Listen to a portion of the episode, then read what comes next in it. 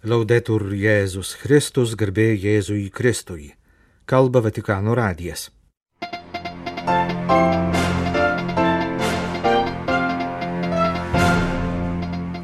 Popiežius dar kartą susitiko su Romoje viešinčia Egipto koptų ortodoksų bažnyčios vadovu ir pranešė, kad į Romos gerbiamų kankinių sąrašą bus įrašyti koptai krikščionys, nužudyti 2015 metais popiežiaus audiencijos Caritas Internacionalis ir italams misionieriams.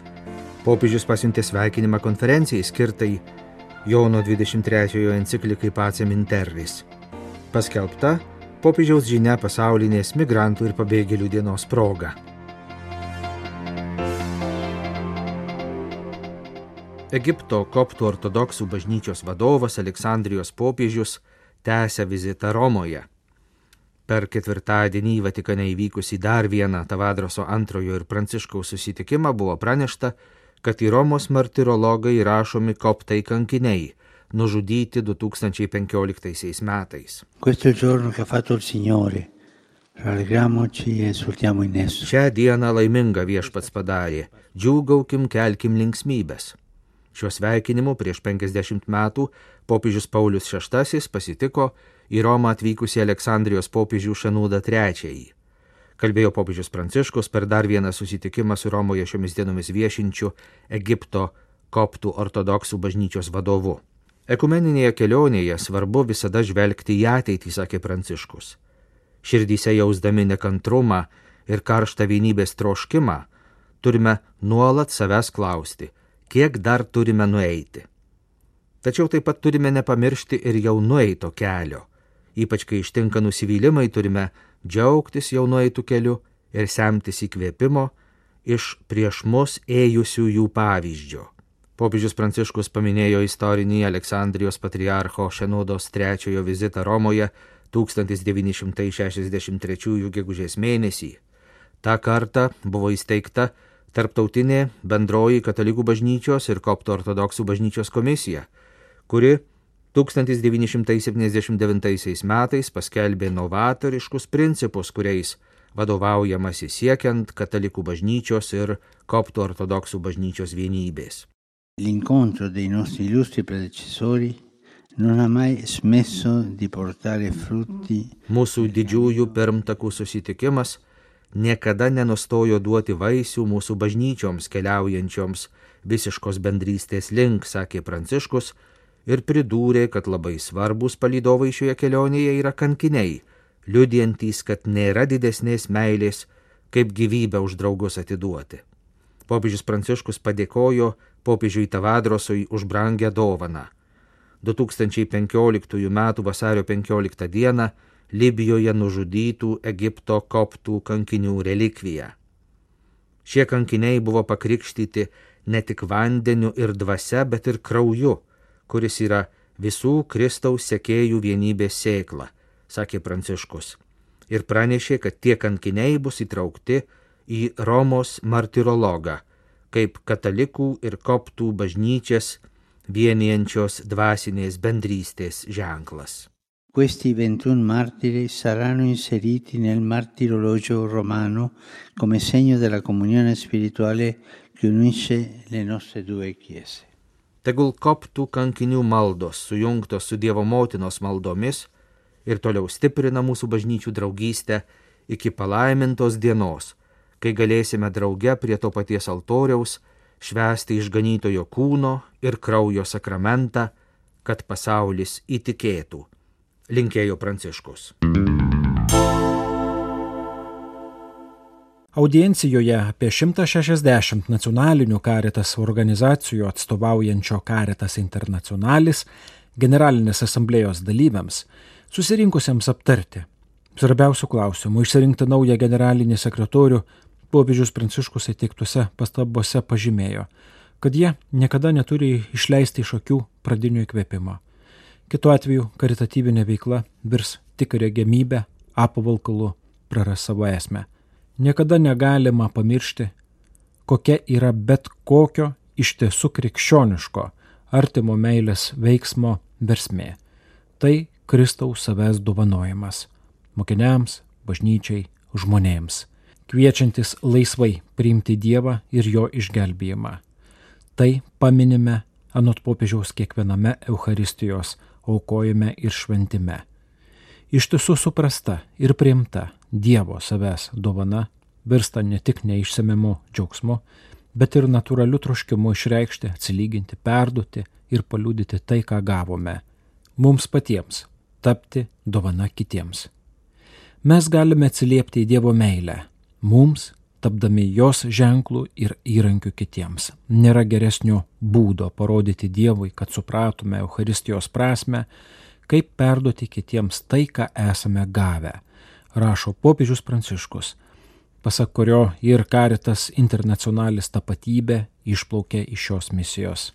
Tai ją skiria nuo kitų socialinėje terpėje veikiančių agentūrų Apaštalas Paulius savo įžymėjame himne meiliai nedvėjodamas pabrėžia, jog patys ypatingiausi, dusniausi, herojiškiausi veiksmai be meilės yra tarsi tušti.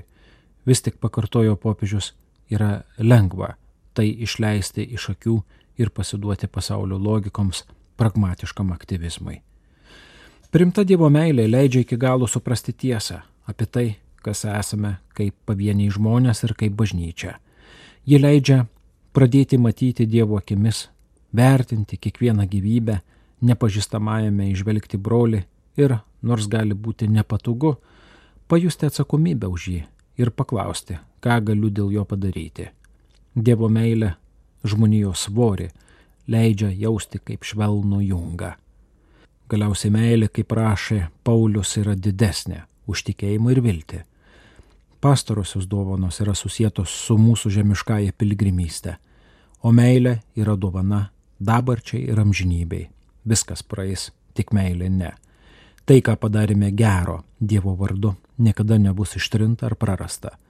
Karitas internacionalis buvo sumanyta ir norėta, kaip liudėjimas ir įrankis visai Dievo tautai praktikuoti artimo meilę. Jūsų užduotis yra visų pirma prisidėti, skelbiant Evangeliją gerais darbais prie visuotinės bažnyčios sėjos, pridūrė Pranciškus dar kartą pabrėždamas glaudžias sąsajas tarp tarnystės kitiems, asmeninio šventumo, bendrystės ir misijos. Kas dirba karite, tas pašauktas liūdyti tokią meilę pasauliui. Būkite mokiniais misionieriais, sekite Kristumi, rašo audiencijos dalyviams įteiktose pastabose popiežius, prašydamas lydėti ir padėti kraštų bažnyčioms, bei saugoti savo vidinę vienybę, tuo pat metu gerbint turtingą karitas internacionalis įvairovę. Italijos misionierių institutas švenčia 50-asias įsikūrimo metinės. Šią progą instituto atstovus ketvirtadienį audiencijoje priėmė popiežius Pranciškus. Pagrindiniai instituto uždaviniai dalytis misionierišką patirtimi ir ugdyti misionieriškumo dvasę vietinėse bendruomenėse, skatinti pašaukimus ir misionieriškumą kunigų seminarijose, prisidėti rengiant gairias ir bendradarbiauti su Karitas bei kitomis misijų ir migrantų pasturacijos institucijomis. Cari fratelli e sorelle, buongiorno. Eh, così mi piace. Sono contento di accogliervi. Padėkojęs italų misionierių veiklą užsienyje koordinuojančio instituto nariams už jų darbą, tarnystę ir bendrystę, popiežius priminė, kad misionierės ir misionieriai, pasiaukojantys Kristaus skelbimui, visiems kalba apie misionierišką krikščioniškojo gyvenimo matmenį, kuris per krikštą yra būdingas visiems krikštytiesiems. Concilio Vaticano II lo dice chiaramente, tutta la Chiesa è missionaria e. Bažnyčia yra misionieriška, priminė Vatikano antrojo susirinkimo mokymą Pranciškus. Evangelizavimo uždavinys yra pamatinė Dievo tautos pareiga. Jis pridūrė, kad bažnyčia gimė apaštališka ir misionieriška o šventoji dvasia ją suformavo kaip išeinančią bendruomenę. Todėl misijos vykdymas krikščioniškam gyvenimui yra degonis, be kurio bendruomenė susirga ir sunyksta. Popiežius drąsino žengti pirmin taip, kad šventoji dvasia galėtų visuomet surasti bažnyčioje ir pasaulyje protų ir širdžių, trokštančių sėti žodį, su visais dalytis prisikėlusiojo džiaugsmu, darbuotis šalinant priešiškumo užtvaras ir kuriant evangelinės meilės, teisingumo ir taikos principais pagrįsta visuomenė. Pranciškus ragino misionierės ir misionierius paversti savo gyvenimo stiliumi Šventojo Pauliaus VI įvardytas keturias pamatinės misionieriškumo atramas - liudyjimą, žodžio skelbimą, katechezę ir sakramentų šventimą. Virš visko skelbti Kristų gyvenimo liudijimu ir visų pirma tai daryti savo bendruomenėse ir tarpusavyje. Romos vyskupas Pranciškus pridūrė. E ir nuoširdžiai rūpinkitės vargstančiųjų ir mažiausiųjų prieimimu vieni kitais ir tais, kuriems tarnaujate, vadovaudamiesi įtraukimo ir tarnystės dvasia. Pasaulis užmiršo enciklikos apie taiką pasaulyje paciminteris įspėjimą prieš šešis dešimtmečius, kad nenumatytas ar nekontroliuojamas įvykis gali įskelti kibirkštį, kuri paleis karo mašiną. Šiandien lėšų skiriamų ginklavimo įsididinimas vėl pavirto valstybių bendravimo įrankiu liudijančių, kad taika galima ir įgyvendintina tik jei yra paremta turimų ginklų pusiausvyra. Tačiau visa tai kelia tik baimę ir išgasti ir rizikuoja sužlugdyti saugumą, pažymėjo popiežius Pranciškus žinioje akademinės konferencijos apie popiežiaus Šventojo Jono 23 encikliką Paciminteris dalyviams. Jis žinioje apgailestavo, kad galius, troškimas tebėra santykių tarp valstybių vertinimo kriterijus ir veiklos dalis.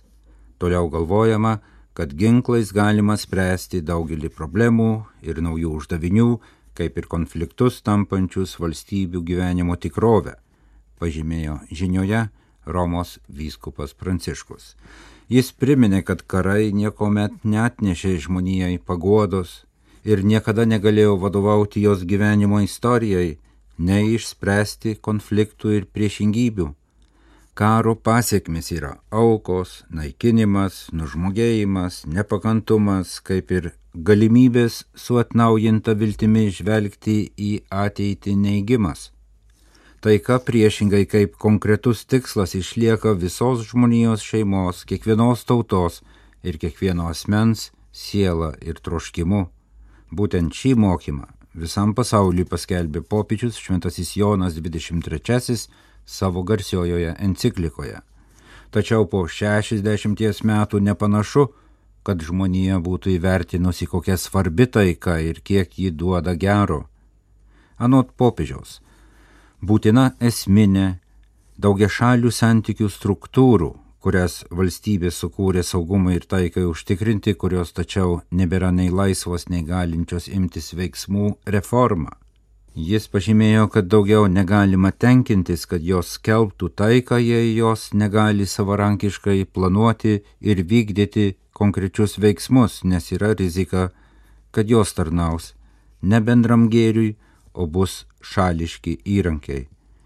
Akademinė konferencija tautų taika praėjus 60 metų nuo pats Minteris surengė popiežiškasis Luteranų universitetas šiemet švenčiantis 250 metų jubiliejų ir tarnavimo integraliai žmogaus pažangai dikasterija.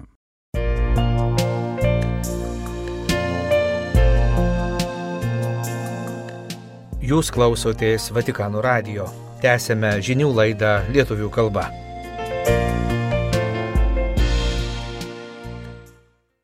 Rugsėjo 24 dieną bus minima 109 pasaulinė migrantų ir pabėgėlių diena. Popiežius Pranciškus šią progą siūlo pamastyti apie tarptautinių lygmenių dar nekodifikuotą žmogaus teisę saugiai gyventi savo šalyje ir neemigruoti. Gegužės 11-ąją Vatikane buvo pristatyta šiemetinė migrantų ir pabėgėlių dienai skirta popiežiaus žinia - laisvai rinktis, migruoti ar pasilikti. Ketvirtadienį Vatikane pristatytame tekste popiežius pirmiausia primena visiems žinomus biblinius migracijos atvejus. Šventąją šeimą, kuris skubiai išvyko į Egiptą, nes gimtojoje šalyje kūdikiu Jėzui grėsė mirtinas pavojus. Šventosios šeimos bėgimas į Egiptą nėra laisvo pasirinkimo rezultatas, kaip ir daug kitų Izraelio tautos istoriją ženklinusių migracijų. Popiežius taip pat paminė Izraelio tautos patriarcho Jokūbo atvejį. Visa šeima buvo priversta bėgti į Egiptą, kur Jokūbo sūnus Juozapas užtikrino išlikimą. Persekiojimai, karai, stichinės nelaimės ir skurdas yra dažniausios šio laikinės priverstinės migracijos priežastys. Migrantai bėga iš baimės, iš nevilties, rašo Pranciškus. Kad pašalintume šias priežastis ir užbaigtume priverstinę migraciją, reikia bendro visų įsipareigojimo, kuris turi prasidėti nuo klausimo, ką galime padaryti. Pasak Pranciškaus, taip pat reikia savęs klausti, ką turime liautis daryti, kad būtų mažiau priežasčių verčiančių žmonės migruoti. Turime stengti sustabdyti ginklavimosi varžybas, ekonominį kolonializmą, kitiems priklausančių išteklių grobstimą, mūsų bendrų namų niokojimą. Akivaizdu, rašo popiežius, kad siekiant užtikrinti teisę neemigruoti, pagrindinė užduotis tenka migrantų kilmės šalims ir jų vadovams, kurie privalo vykdyti teisingą, skaidrę, sąžiningą, toleregišką ir visiems tarnaujančią politiką. Tarptautinė bendruomenė yra atsakinga už tai, kad toms šalims būtų sudarytos sąlygos kurti savo žmonių gerovę. Reikia atskirų šalių ir tarptautinės bendruomenės bendrų pastangų, kad kiekvienas žmogus turėtų galimybę taikiai ir oriai gyventi savo žemėje. Ši teisė dar nėra kodifikuota, tačiau ji yra labai svarbi, o jos užtikrinimas turi būti suprantamas kaip bendra visų valstybių atsakomybė už bendrąjį gėrį, kuris peržengia valstybių sienas. Savo žinios pabaigoje popiežius primena ir savo kalbose daug kartų cituotus Jėzaus žodžius iš Evangelijoje pagal matą pateiktos paskutiniojo teismo scenos. Buvau išalkęs ir jūs mane pavalgydinote, buvau ištroškęs ir mane pagirdėte, buvau keleivis ir mane priglaudėte. Šie žodžiai skamba kaip nuolatinis priminimas - migrantuose atpažinti ne tik savo brolius ir seseris, kuriems reikia pagalbos, bet ir patį Kristų, kuris beldžiasi į mūsų duris siekdami užtikrinti, kad žmonės nebūtų verčiami migruoti, kol ši teisė dar neužtikrinta, turime gerbti visų migrantų orumą, o tai reiškia, kad turime statyti tiltus, o ne sienas, plėsti saugios ir legalios migracijos kelius. Toks požiūris į migrantus, pasak popiežiaus, turi būti suprantamas ir kaip bažnyčios sinodinio kelio dalis. Turime migrantuose ir pabėgėliuose matyti ypatingus mūsų bendra keleivius, kuriuos reikia mylėti ir jais rūpintis kaip broliais ir seserimis.